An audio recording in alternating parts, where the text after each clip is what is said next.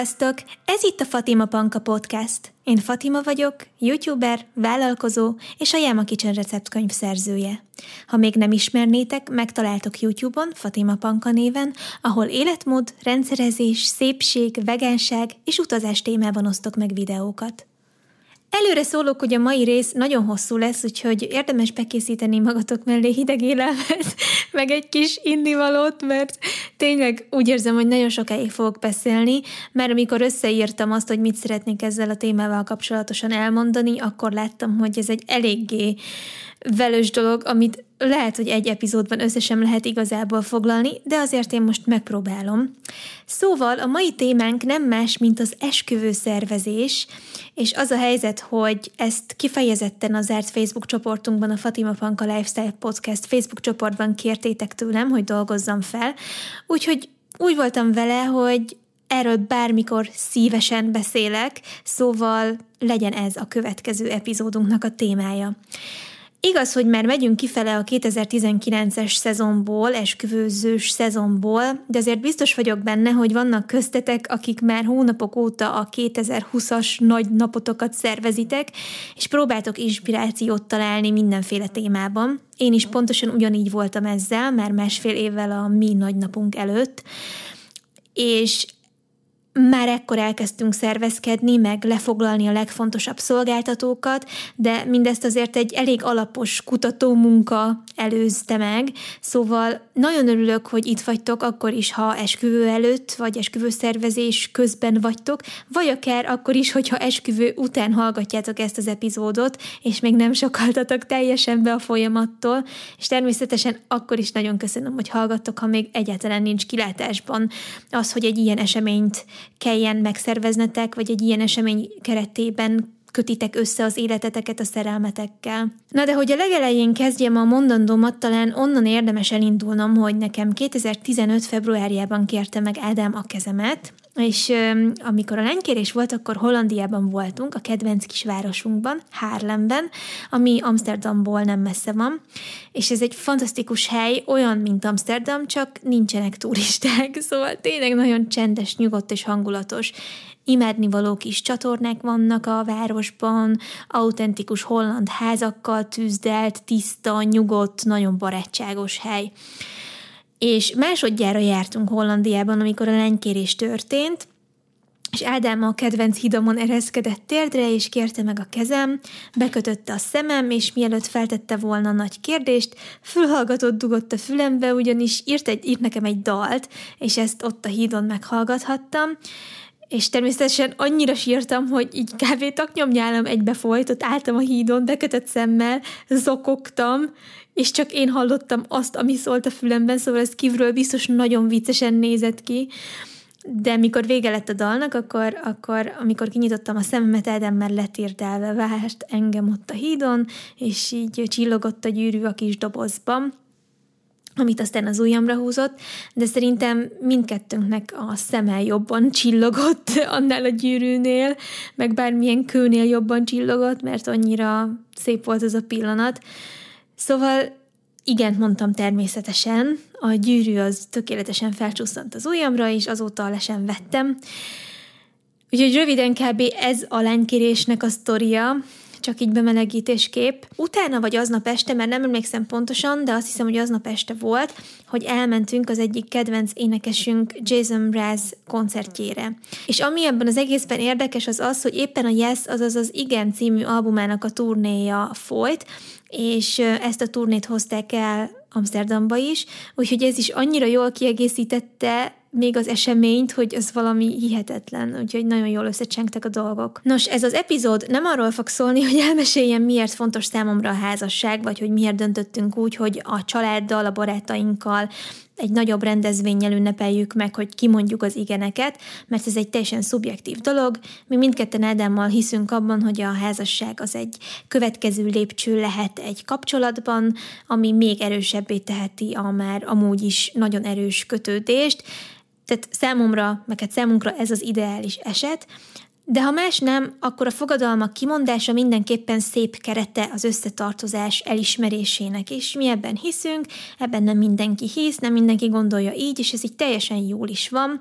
Mindenki eldönti, hogy ez neki fontos-e vagy sem.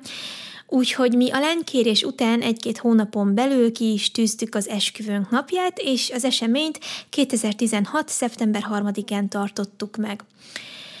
Amikor hazaértünk arról a bizonyos lánykérős utazásról, akkor az első dolgom az volt, hogy listát írtam az elintézendő feladatokról. Imádok listákat írni, szóval gondolhatjátok, milyen hatalmas lelkesedéssel ugrottam neki ennek a feladatnak meg hát meg kellett határozni, hogy milyen szolgáltatókat kell kiválasztani, szóval egy csomóféle listát kellett írni, ez a lényeg, és ez engem borzasztó boldoggá tett. Pontosan ezért egyáltalán nem volt számomra megterhelő, mert már kislány korom óta rajongtam a szép ruhákért, az esküvőkért, volt is egy olyan időszakom, amikor esküvőszervező szerettem volna lenni, egy szóval imádtam szervezkedni mindig is. Ádám pedig sokat segített, Ráadásul anyukám is elég jó ízléssel van megáldva, úgyhogy bátran fordulhattam hozzá is tanácsért, nagyon támogató volt ő is, szóval voltunk így néhányan, akik lelkesen szerveztük ezt az egészet. És egyáltalán nem húztuk le egymást, hanem tényleg próbáltunk egymásnak ott segíteni, ahol csak lehetett, és mindnyájan részt venni ebben a feladatban, olyan mértékig, amennyire az számunkra kényelmes és megfelelő volt. Ádám például élvezte, hogy én élvezem a tervezgetést, és amikor nagyon fontos volt, hogy struktúrált táblázatokat, meg terveket rakjunk egy-egy szolgáltató elé, és itt most gondolok például az ülésrendre, az asztalok elrendezésére, a vendéglistára, a címlistára, a névlistára, na akkor ott az ő precizitása baromi jól jött, és nélküle nem tudtam volna ilyen gördülékenyen válaszolni a szolgáltatóknak, de például a kapcsolattartásból, e-mailezésekből ő is bőven kivette a részét, felosztottuk egymás között, hogy ki kivel fogja tartani a kapcsolatot, illetve felvenni a kapcsolatot, de ezt megelőzte az, hogy együtt leültünk szépen, és az interneten keresztül kiválasztottuk a mindkettőnknek tetsző embereket, akikkel együtt szerettünk volna dolgozni, vagy potenciálisan jó választásnak mutatkoztak. Arra gondoltam, hogy végigmegyek a listán, amit akkor is összeállítottam, és így sorra tudom venni, hogy melyik pontban mit tartottunk fontosnak, és mi alapján választottunk szolgáltatókat. Szerintem induljunk el onnan, hogy a dátum kiválasztása. Igazából nem emlékszem teljesen tisztán arra, hogy miért szeptemberre esett a választás, de mivel mindenképpen kültéri, szabadtéri esküvőt szerettünk volna, a késő tavaszi, nyári és kora őszi időpontok közül kellett választanunk. Ez a dátum azért volt jó, ez a szeptemberi dátum, mert akkoriban egy kicsit már kevésbé volt keresett mint a nyári hétvégékre első időpontok. Valamint mert kiesik a nagy nyaralási szezonból is, így a vendégeink is meg tudták oldani, hogy szabad tegyék magukat. Egyébként az egész esküvő szervezésre igaz az, hogy ez a ti napotok, tehát rólatok kell, hogy szóljon. Aki azt mondja, hogy a vendégeitek kedvéért saját magatokat meghazudtoló döntéseket kell hozni, annak nincs igaza és az ilyen emberekre nem szabad hallgatni. Akit meghívtok, nagy eséllyel szeret benneteket, és szeret benneteket annyira, hogy akkor is örülni fog a boldogságotoknak, ha nem jön be neki a menü, vagy az általatok kedvelt zenei stílus, de én határozottan azon a véleményem vagyok, hogy mások kedvéért nem szabad olyan döntést hozni az esküvőtökkel kapcsolatban, amit később megbánhattok. Senkinek az égvilágon nincsen joga, hogy emiatt bűntudatot keltsen bennetek, úgyhogy határozottan tartsatok ki az elképzeléseitek mellett, így is lesz elég sok olyan helyzet, amiben bizony szükség lesz a kompromisszumok meghozatalára. Arra pedig fel kell készülni lelkiekben, hogy főleg az idősebb korosztálynak meg lesz a véleménye azokról a mozzanatokról, amelyek számukra szokatlanok. De ezzel nem szabad foglalkozni, engedjétek el a fületek mellett, és legyetek büszkék arra, hogy mertek mást csinálni, mint ahogy azt a merev elvárások meg az átlagos esküvői menetrend diktálná. Ezt azért is tartom fontosnak már a dátumnál megemlíteni, mert ha ti téli, ne adj Isten karácsonyi hangulatú esküvőt szeretnétek, akkor hajrá! Tehát nem tarthat vissza benneteket az, hogy jaj, az esküvőket nyáron szokták tartani. Én egyébként az esküvőszervezés alatt attól tudtam a legjobban kikészülni, meg azt tudott a legjobban felrántani, hogyha valaki azzal jött, hogy hát ezt nem így szokták ám, nem az a szokásám, és kit érdekel? ha ti így képzelitek el a nagy napotokat, akkor legyen így. Aki kötekedni akar, így is úgy is talál valamit, amin rimánkodhat.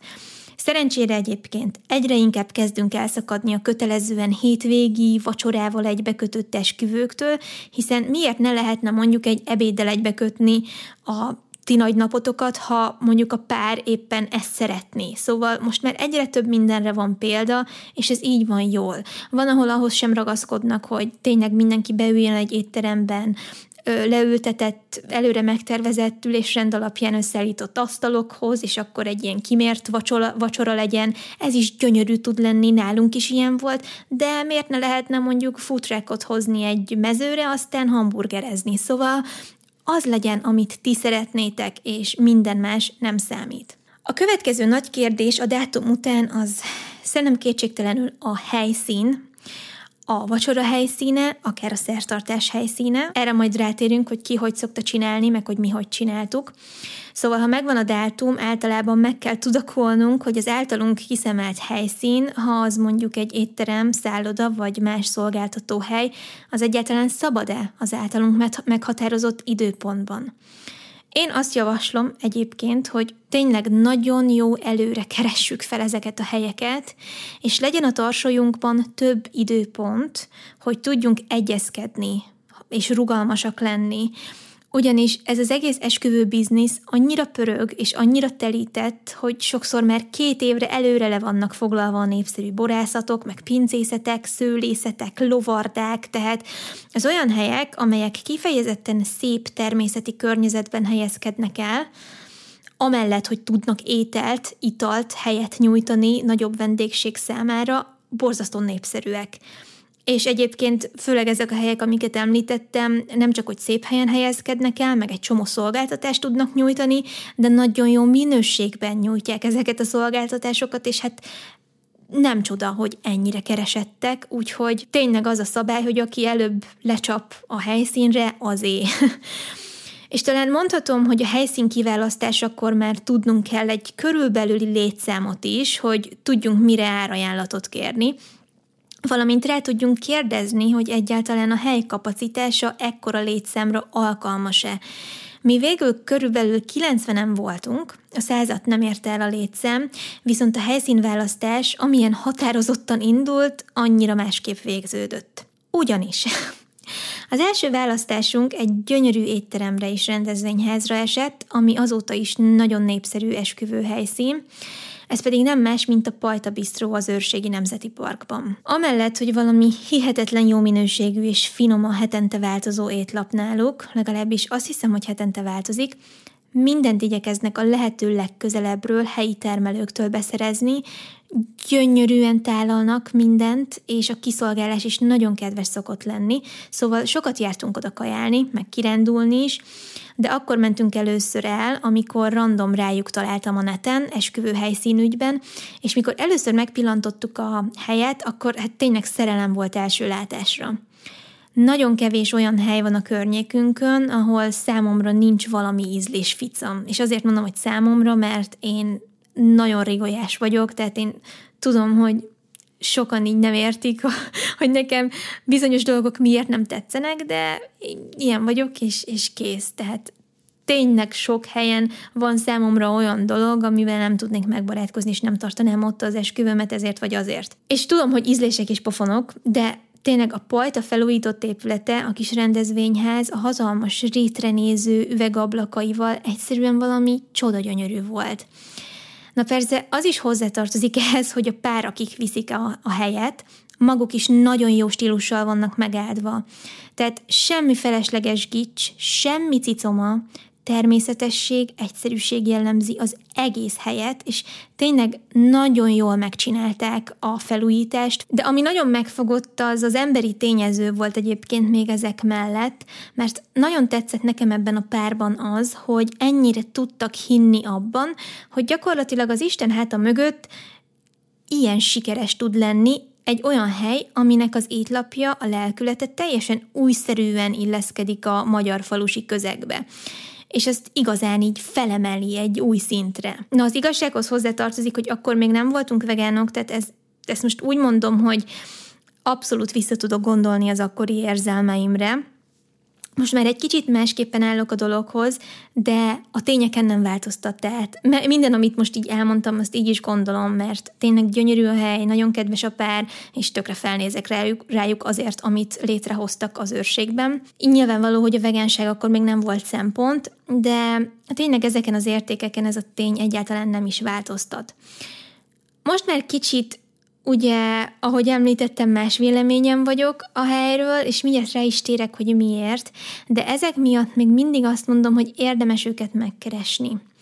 A mi esküvőnk azért nem tudott ott megtartásra kerülni, mert a rendezvényhez befogadó képessége az maximum 70 fő, ha jól emlékszem, legalábbis nekünk akkor egy ilyen számot mondtak, és akárhogy osztottunk, szoroztunk, nem tudtuk és nem is akartuk úgy meghúzni a vendéglistát, hogy bele tudtunk volna férni ebbe a keretbe. Ráadásul nálunk a helyszínen, vagy legalábbis a helyszín közelében nagyon fontos lett volna a vendégek elszállásolásának a lehetősége, mert többen érkeztek messziről. És sajnos akkor, és azt hiszem jelenleg sincsen a pajtának erre megoldási lehetősége ott helyben, a környéken egyébként vannak vendégházak, tehát ezekben meg lehetett volna oldani valahogy a dolgot, de nagyon szétszóródott volna a vendégsereg így is, és mi azt szerettük volna, hogy másnap reggel még együtt reggelizhessünk az ott maradó vendégekkel, hogy tudjunk még beszélgetni, meg ilyesmi. Amire végül is az új helyszínen volt is lehetőségünk, mert sokkal tágasabb helyről van szó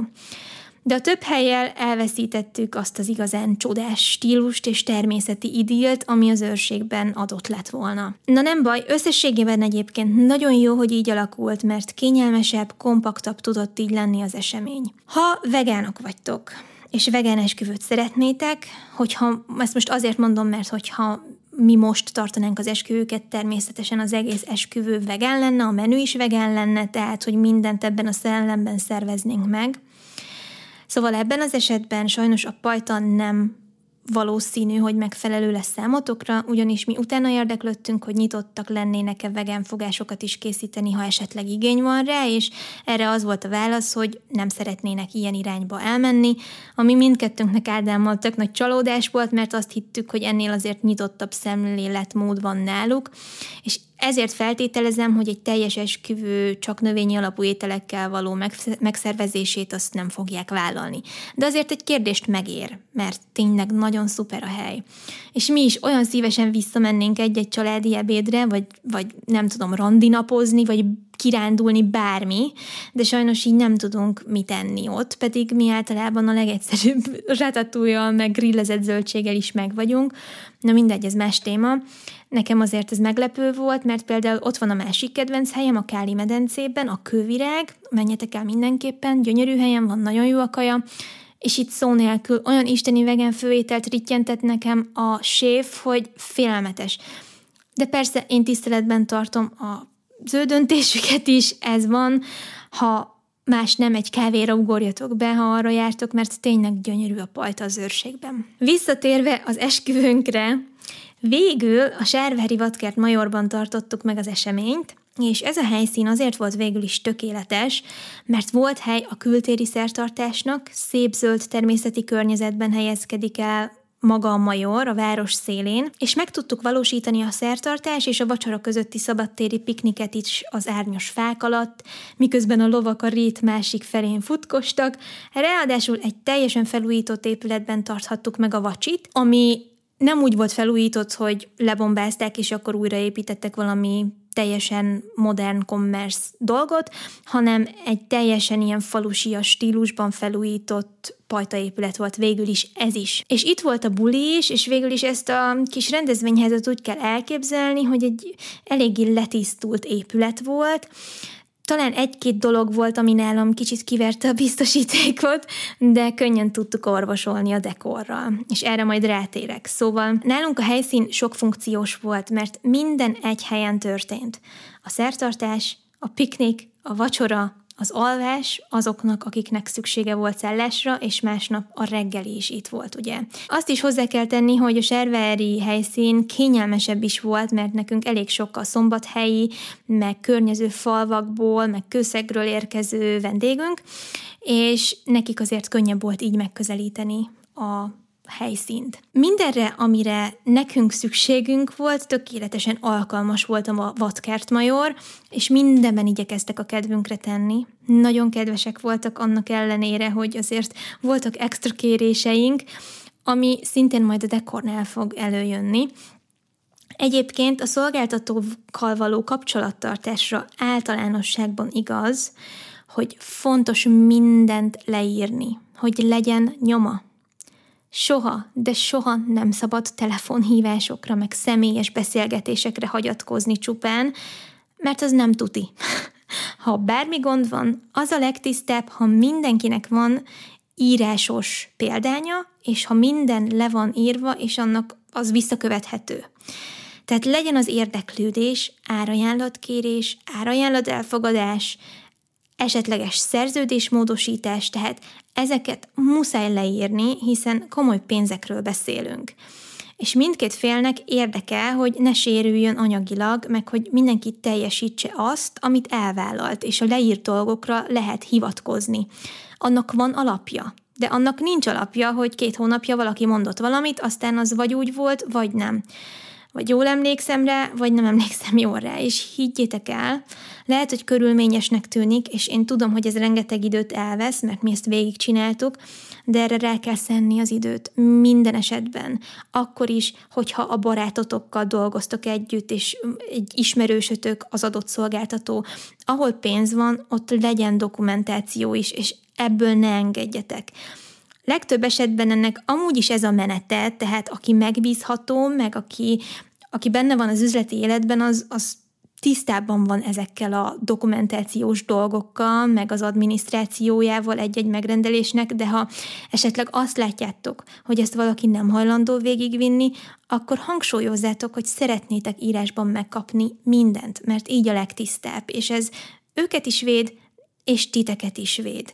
És azért elég sok minden elcsúszhat sajnos, ami nagyon rosszul tud elsülni egy ilyen nagy eseményen. A következő pont a listámon az a vendégeknek a sora, tehát úgy írtam fel, hogy vendéglista, és talán ez az a rész, ami a legtöbb nehézséget szokta okozni, mert sokszor kerülhetnek a párok olyan helyzetbe, hogy csak illendőségből, meg a sértődés elkerülése véget hívnak meg bizonyos vendégeket. Ezt nagy létszámú esküvőknél nehezebb kikerülni, mint azokban az esetekben, amikor a pár amúgy is úgy dönt, hogy nagyon szűk körben szeretne ünnepelni. Ez a második verzió emiatt aztán sokkal kevesebb fejfájást is okoz, és sokkal kevesebb potenciális sértődéses, meg egymásra mutogatós drámával jár, mint az, ha egy nagyobb lélegzetvételű vendéglistából valaki kimarad. Egyébként nem is lenne muszáj ebből ekkora lelkiismereti ügyet csinálni, de az a helyzet, hogy az ember nem szeret másokat megbántani. Viszont mi is tudtuk azt, hogy kik azok, akik nélkül semmiképpen sem szeretnénk ünnepelni, és ez sokszor túlmutat a családon.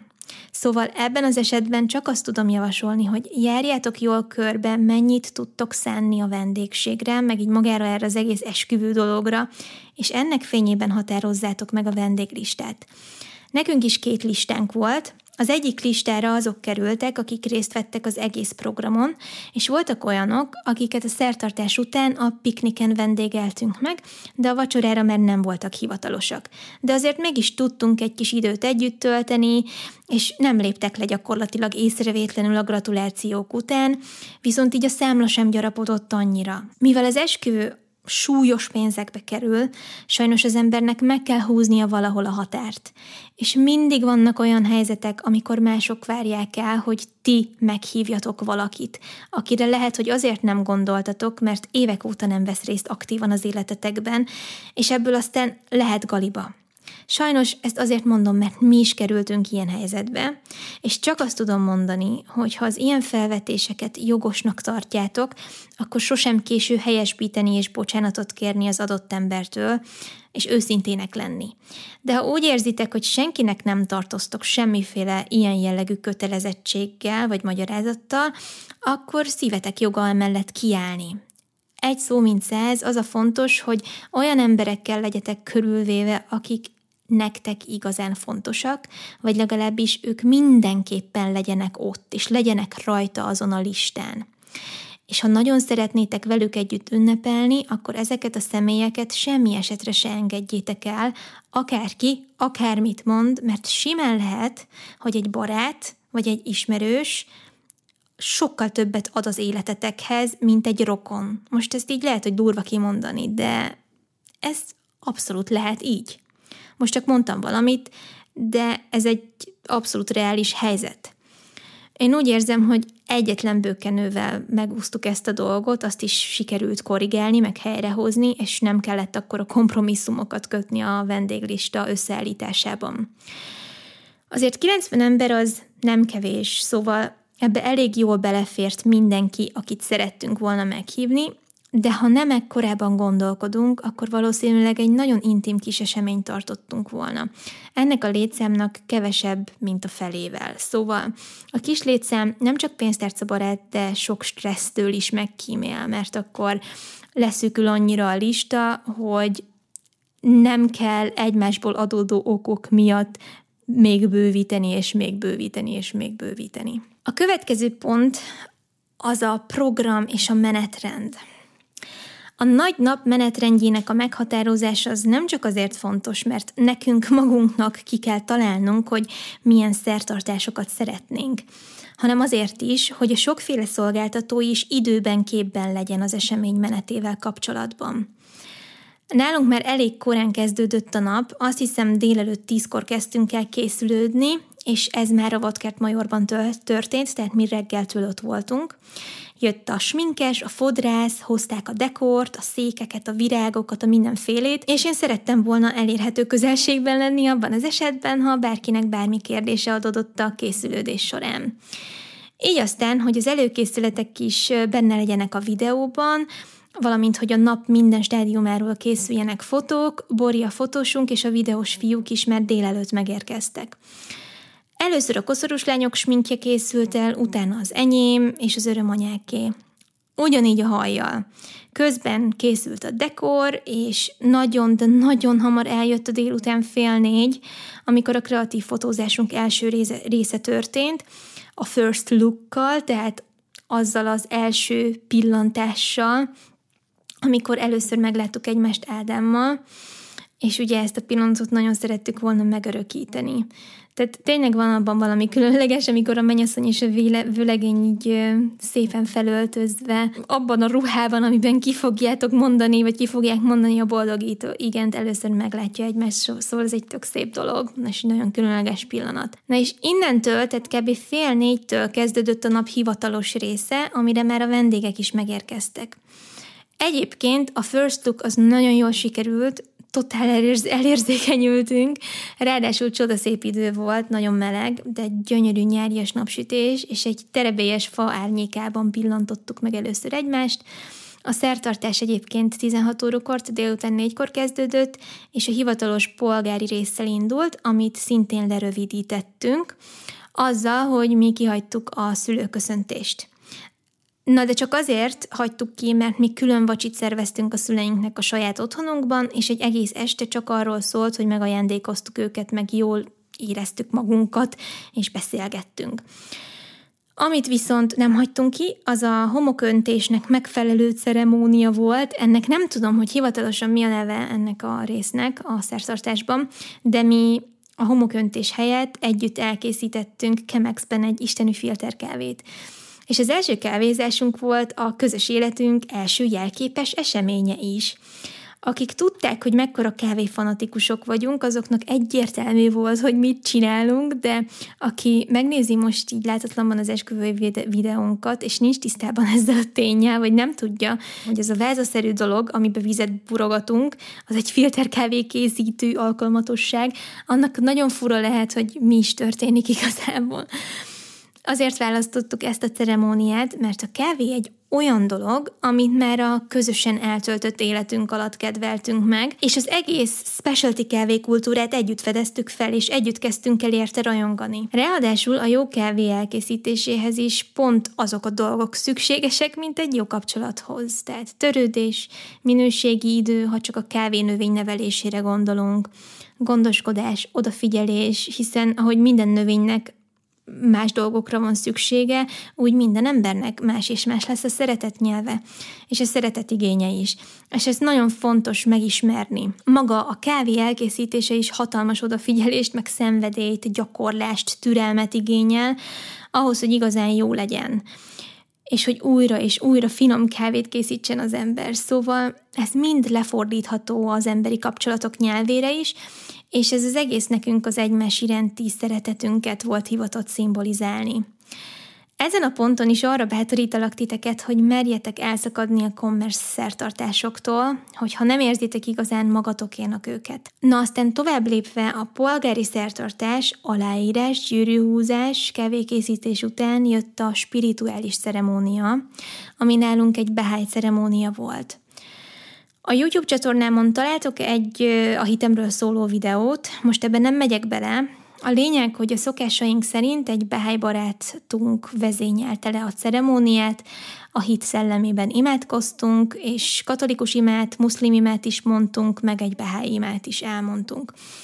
Azért mondom, hogy a hit szellemében, mert ennek az egésznek az a lényege, hogy egyik vallás sem jobb a másiknál, csak más, és mindenkinek magának kell megtalálnia, hogy melyik áll a legközelebb hozzá, és egyik vallás fölé sem helyezzük magunkat mi behelyként, és soha, de soha nem jelentjük ki, hogy ez az egyetlen igaz út. Így aztán Anyukám katolikus gyökereire és az apukám muszlim gyökereire is megemlékeztünk az imákkal. A muszlim imát amúgy egy nagyon jó gyerekkori barátnőm mondta, aki tök jól beszél arabul, és az ő apukája szír, tehát ez a lány is félvér, Miminek hívják, és hát én kb. végig zokogtam azt a két percet, amíg az ima tartott, szóval nagyon megható volt az egész. Ez a ceremónia sem volt több 15 percnél mindennel együtt, viszont nagyon jó volt, hogy nem kellett egyik helyszínről a másikra menni és kizökkenni a hangulatból, hanem ott azonnal minden lement egyszerre. És utána következett a piknik, ahol fotózkodtunk, készültek csoportos, meg kiscsoportos fotók, akkor itt fogadtuk a gratulációkat, azért, mert mindenki tudott egy kicsit inni, enni, és hát azokkal voltunk, akik nem jöttek tovább a vacsorára. Tehát pogit ettünk, limonádét ittunk, Ádám két nagyon jó barátja foglalkozik sörkészítéssel, kézműves sörfőzéssel, és kifejezetten erre az alkalomra készítettek házi sört, ezt is lehetett fogyasztani, csináltattunk rá egyedi esküvős matricát, szóval nagyon jó hangulata volt ennek is. És akkor 19 órától kezdődött a vacsi, Előtte a családunkból néhányan mondtak beszédeket, úgyhogy azért erre is kellett időt szenni, és azért is jó volt a piknik, meg hogy tudtunk ott harapni valamit, mert nem azonnal jött a vacsi, hanem a beszédek után. Így kb. 30-40 percet várni kellett magára az étkezésre, viszont így nem éhesen és szomjasan, meg türelmetlenül ültek be az emberek. Vacsora után ami főpontja volt még az estének, az az első tánc, aztán később jött a torta. Nálunk tánc nem volt, egyikünk sincs oda ezért a szokásért, a mulatos zenétől mindkettőnknek feláll a hátán a szőr Ádámmal, úgyhogy ezt így szépen elvetettük. De ettől függetlenül nagyon sokat táncoltunk olyan zenére, amit mi szeretünk. Úgyhogy ezzel nem volt gond. Éjfélkor pedig csillagszórót gyújtottunk, és körülbelül ebben ki is merült a fix programoknak a sora, és utána csak tánc volt, meg éjféli kaja, meg ezek a szokásos dolgok, és egyébként még a csillagszóró meggyújtásához használt gyufáknak a dobozkáját is átragasztgattuk a meghívónkhoz passzoló papírral, csak hogy érzékeltessem, hogy mennyire fontos nekem minden pici részlet, de erre most rá is térek a dekorációnál, ugyanis a dekoráció a következő pontunk. Nos, dekoráció. Erről annyit tudnék beszélni, hogy konkrétan egy teljes epizódot rászentelhetnék erre az egy pontra. Számomra ez volt az egyik legsarkalatosabb dolog, ugyanis én ki vagyok attól, ha valami nem egységes, vagy ha egy amúgy jó koncepciót elront valami nagyon banális és számomra ízléstelen dolog. Az esküvőnk dekorációját Emese és férje Norbi készítették, úgy ismerhetitek őket, hogy Natural Wedding Decor. Emeséig tényleg minden apró részletre odafigyeltek, és extra könnyebbség volt az is, hogy gondoskodtak a virágokról is, az összes csokorról, és nem tudtam olyan apróságot kitalálni, amire ne találtunk volna megoldást. Néhány problémám adódott a vacsora helyszínünkkel, mert hogy nem volt szó arról, hogy az a fő fal, ahol a főasztal is elhelyezkedett, az majd le lesz tapétázva egy régi fényképpel, ami a régi istállót ábrázolja. Képzeljétek el egy ilyen szépjes, nosztalgia hangulatú fotót, ahol emberek, férfiak sorban állnak ilyen lóistállók előtt. Szóval, nát, majdnem elsírtam magam, mert nekem nagyon nem tetszett ez a hatalmas falméretű fotó, vagy tapéta a falon, de szerencsére emesék egy egyszerű textil felszerelésével és egy ilyen geometrikus zöld koszorúval, vagy azt hiszem több zöld koszorú volt, így tudták orvosolni a helyzetet. Csak hát elég nagy volt a belmagasság, és ezért megijedtem, hogy ezt mégis hogy a fenébe fogjuk felrögzíteni a falra. Ami még nekem extra kérésem volt, hogy az ütött kapott rozsdás jégkrém hűtőt azt ugyan mátolják ki egy másik helyiségbe, mert ez borzasztó illúzió romboló és indokolatlan volt a térben, ahol dekorált a emesék, Valamint a terem másik végében volt egy világító lólámpa a falon, egy ilyen hajlított lólámpa, aminek eléggé hideg és kicsit kicses fénye volt. Hozzáteszem, ez sem volt ott az első bejáráson. Sem ilyen felesleges cicoma nem volt akkor még a teremben, úgyhogy az esemény idejére ezt is kikapcsoltattuk, hogy legalább ne világítson ott, meg hívja fel magára a figyelmet. Na most ez tényleg ízlések és pofonok kérdése, de nekem nagyon zavart a szememet ez a három dolog, és egyáltalán nem sajnálom a pénzt a székbérlésre sem, mert így a szertartás is sokkal jobban nézhetett ki a mezőn, meg a vacsora is sokkal egységesebb arcot mutatott. A piknikre és a szertartásra egyébként a nagyobb létszám miatt szalmabálákat hozottunk, ami szintén nagyon romantikus volt, és szuper ülő alkalmatosságként szolgáltak. Emese ezeket szép textilekkel terítette le. Voltak üdvözlőtábláink a ceremóniához, akkor az aláíráshoz és a kávékészítéshez egy gyönyörű fehér antik asztalt hoztak emesék, és egy ilyen csodálatos boldogságkaput is készítettek a csokromhoz, meg a hangulathoz passzoló virágokkal. Amikor a vendégek elfoglalták a helyüket a ceremóniakor, a székeken egy dizájnosan megillusztrált program várta őket, ami akár legyezőnek is használható volt, mert amúgy nagyon meleg volt, és volt még a székeken buborékfújó, és egy cuki vászonzsákba csomagolt hát egy kb. maréknyi modellelesség. Mert hogy a kivonulásnál ránk fújhatták a buborékokat, illetve ránk szorhatták a madárelességet, és ezt aztán később a madarak fel tudták csipegetni. Volt amúgy saját hashtagünk is, ami úgy hangzott, hogy hashtag Fati és Ádám, hát borzasztó kreatív, itt nem mondjak, de volt hashtagünk. A pikniknél, ami még szerintem nagyon jó fej ség volt, az az, hogy a sörök meg a dobozos italok egy régi talicskában voltak jégkockák között behűtve, a limonádés asztalon pedig ilyen csapolható nagy limonádés bödönökben voltak az italok, szóval tényleg minden apróságra így ezt, igyekeztünk odafigyelni. A vacsoraterem bejáratánál állították felemesék az ülésrendet ábrázoló táblát, ennek is teljesen olyan volt a stílusa, mint a meghívónké. Egyébként minden illusztrált dologban az köszön vissza, tehát maga a meghívó, és egy ilyen akvarelles virágos témát képzeljetek el. De lesz róla fotó a blogbejegyzésben, amit mellékelek ez az epizódhoz. A vacsinál volt foglalkoztató füzet a gyerekeknek, meg zsírkréta, meg ilyesmi, és az asztali dekorban is igyekeztünk a virágokra koncentrálni. Mindenkinek volt ültetőkertjája, köszönő ajándéka és egységes natúrszalvétákat szereztünk be. A tortánk is bemeszeletlen naked torta volt, teljesen egyszerű, természetes virágos díszítéssel. Ezt az Az én tortám nevű kis műhelyből rendeltük, azt hiszem, hogy Székesfehérvárról.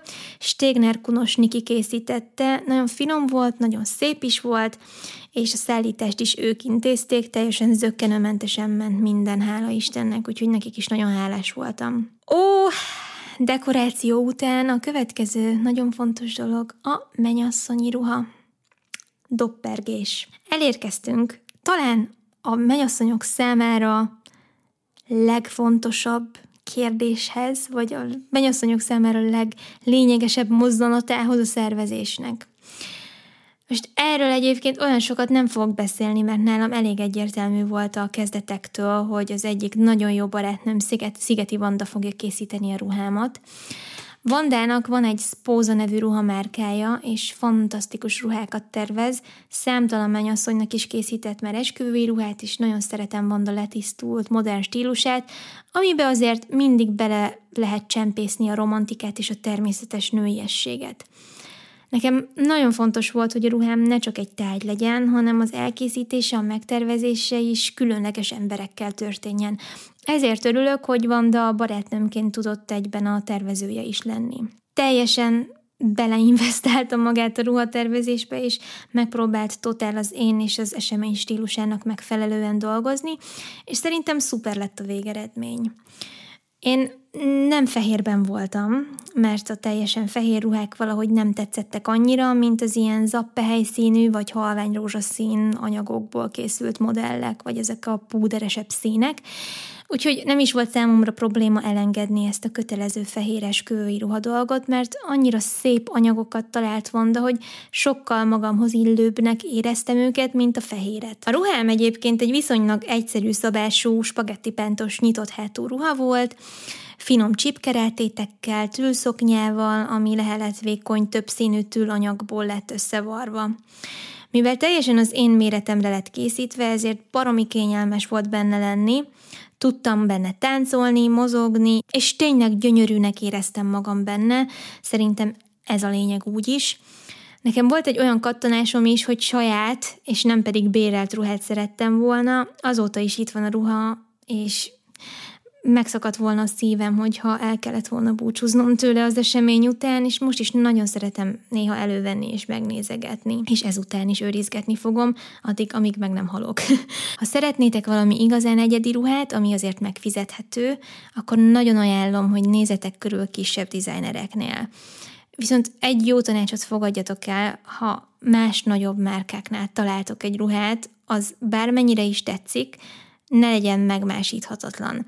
Mert egy designer, legyen az bármilyen kis márka, neked szóló egyedi ruhát szeretne neked készíteni, amiben az ő saját stílusa is benne van, mint tervező de az nagyon rosszul tudja magát kivenni, ha valaki úgy megy oda designerhez, hogy ennek az XY giga esküvői ruhamárkának ezt a konkrét ruháját szeretném veled megvarratni, de ne negyed annyi pénzből ám, mint amiben amúgy ez a ruha kerül. Ez szerintem udvariatlan és megalázó, mert ezek a tervezők művészek, és nagyon rosszul veszik ki magát, ha valaki úgy áll hozzájuk, hogy hát ha nincs ló, jó a szamár is. Ha konkrét elképzelésed van, és ragaszkodsz egy már létező modellhez, meg annak minden részletéhez, akkor érdemes inkább a ruhabérlésben gondolkodni, vagy megkeresni azt a konkrét tervezőt, és egy alternatív megoldást találni, ha az a ruha nem fér bele a költségvetésbe. De szerintem nagyon fontos, hogy megadjuk egymásnak a tiszteletet, és tényleg, ha megkeresünk egy designert, akkor designerként kezeljük, ne pedig egy olyan emberként, aki lekoppint olcsóbbért egy drágább ruhát. Szóval nagyon fontos megfelelően kommunikálni azokkal az emberekkel, akik a szaktudásukkal a mi nagy napunkat igazán szépé tehetik. És direkt nem mondom, hogy tökéletessé tehetik, mert egy esküvő szerintem a tökéletlenségeivel együtt lesz igazán személyes és tökéletes és emlékezetes. Na de visszatérve a ruhákra, Vanda készítette a menyecske ruhámat is, ami egy bőszoknyás, beépített melltartós, kicsit őszies virágmintás anyagból készült koktélruha volt, és a mai napig az egyik kedvenc ruhám ez.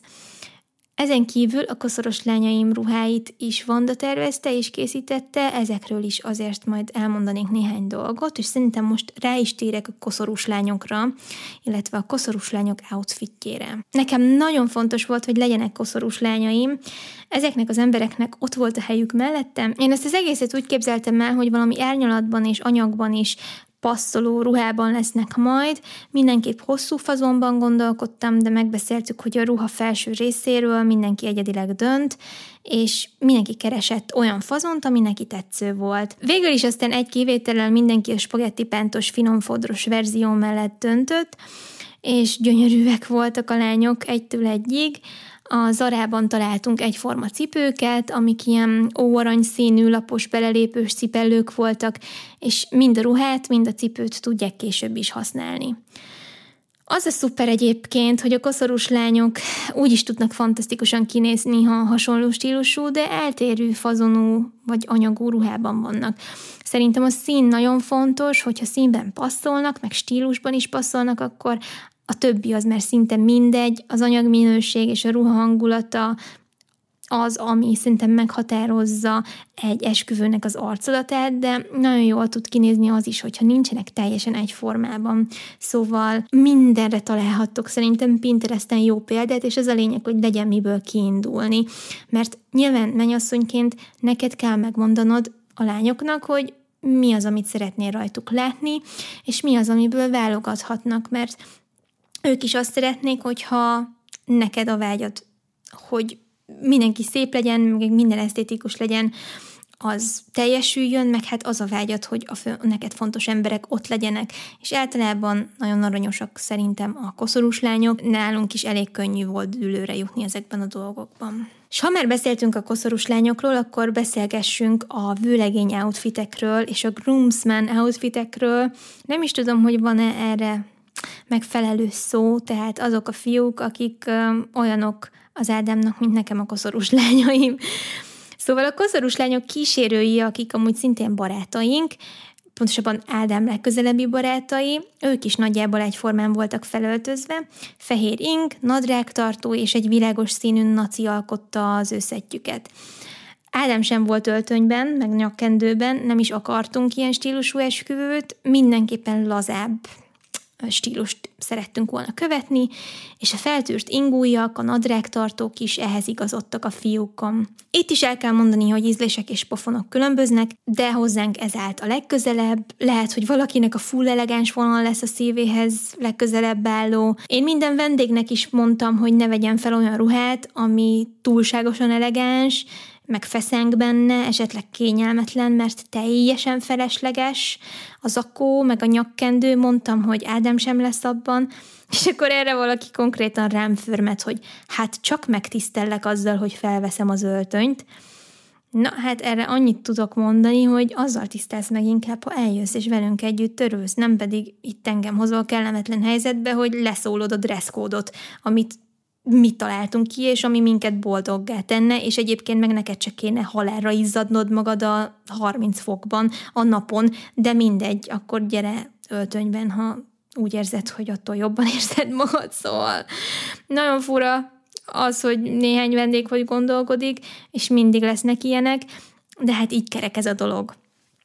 Én tényleg csak segíteni akartam ennek az embernek is, mert tudtuk, hogy meleg lesz az idő, és főleg a férfiak általában nem szeretnek ennyi rétegben, elegáns anyagokban órákat eltölteni, tehát apparently én jöttem ki rosszul a helyzetből a lazaságommal, és ezt csak azért mondom el, mert lesznek olyanok, akik a formabontóbb ötleteitekért nem lesznek oda, és a régi berögződésektől eltérő dolgoktól viszonyogni fognak, vagy úgy érezhetik, hogy nem lesz elég ünnepélyes a hangulat, pedig ez egyáltalán nem igaz. Következő pontként a ceremóniamestert, azaz a CM-et ö, írtam föl. Szerintem nagyon fontos, hogy legyen egy ember, aki terelgeti a násznépet, és kommunikációjában megfelelően hely, helyt áll az eseményen, ha szükséges, és ha kell, akkor beszéljen angolul is, vagy olyan nyelven, amire igény van. Ez azért fontos, hogy ne a párnak kelljen aggódnia azon, hogy a násznép minden infónak a birtokában álljon, illetve ne a párt traktálja mindenki a technikális kérdéseivel, ha felmerül valami probléma, szóval nagy segítség, ha van CM. Persze csak bizonyos létszám felett érdemes cémet fogadni, nálunk elengedhetetlen volt, és egy Gémesi Gergő nevű srác volt a mi ceremóniamesterünk, aki azon túl, hogy baromi közvetlen és barátságos volt, egyáltalán nem tolta túl a poénkodást, nem szerepelt feleslegesen, tette, amit kellett, és azt olyan stílusban, ami hozzánk illő volt. Ugye a Cím nem a népies vonalat képviseli, tehát nem vőfély, ezért ha valaki ezt a hagyományőrzős, viseletes verziót szeretné elvezni az esküvőjén, akkor ne cémet, hanem vőfét keressem. Szóval Gergő személye nagyon megnyugtató volt, mindig ott volt, ha kellett, sosem tűnt el, és szuperül levezényelte az eseményeket. Természetesen többször egyeztettünk előtte, találkoztunk is, de talán a legfeszültségmentesebb szolgáltató volt a sorban, úgyhogy köszi Gergő itt is, a hallgatod véletlenül ezt az epizódot. Egyébként én azt ajánlom, hogy üljetek le több emberrel, mielőtt végleges döntést hoztok, hogy ki is legyen a CM, mert nagyon fontos, hogy közvetlenül tudjatok szólni egymáshoz, ne érezzétek feszélyezve magatokat egymás társaságában, hiszen ez egy nagyon bizalmi dolog, és nagy felelősség hárul a CM-re azzal, hogy az egész vendégségek tőle várja majd az útmutatást, hogy mikor mi történik. Ezért nektek meg arról kell gondoskodni, hogy a Cím mindennel képben legyen, és jól tudjon kommunikálni a többi szolgáltatóval is, és tarthassa velük a kapcsolatot, és ha kell, akkor ők egymás között is meg, tudjak, meg tudjanak beszélni fontos dolgokat. De a Cím a ti szószólótok, így abban is tud segíteni, hogyha mondjuk egy lelkes vendég nektek nem tetsző zenét követel, akkor finoman leállítja, vagy gátat szab kellemetlen helyzetek kialakulásának. Vagy hogyha szeretnétek játékot szervezni, vacsora, meg torta között, vagy tánc közben, akkor ez, ezeket is le tudja vezényelni, úgyhogy nagyon hasznos, és még színes, színesebbé és struktúráltabbá tudja tenni ezt az eseményt. Szóval a Cím fontos, a Cím jó. És akkor menjünk is tovább a fotográfusra. Ez újabb külön epizódnyi időt érdemelne, és gondolkodom is azon, hogy ha lemegy az idei esküvős nagy szezon, akkor Borit visszahívom a podcastbe, és kifejezetten az esküvői fotózásról beszélgetnék vele.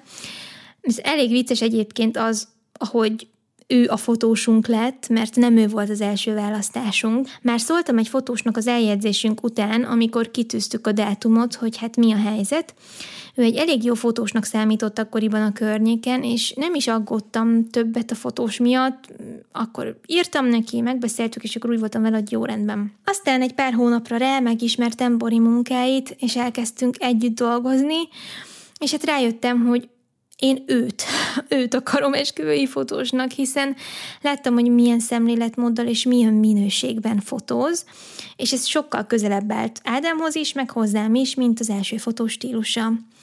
Ez egyébként 6-7 hónappal az esküvőnk előtt ötlött a fejembe, ekkor ismertem meg Borit, és azért ez már eléggé késő a váltogatáshoz, de szerencsére Borinak éppen szabad volt az a hétvégéje, amikor mi az esküvőnket tartottuk, és így le tudtam mondani a másik fotóst.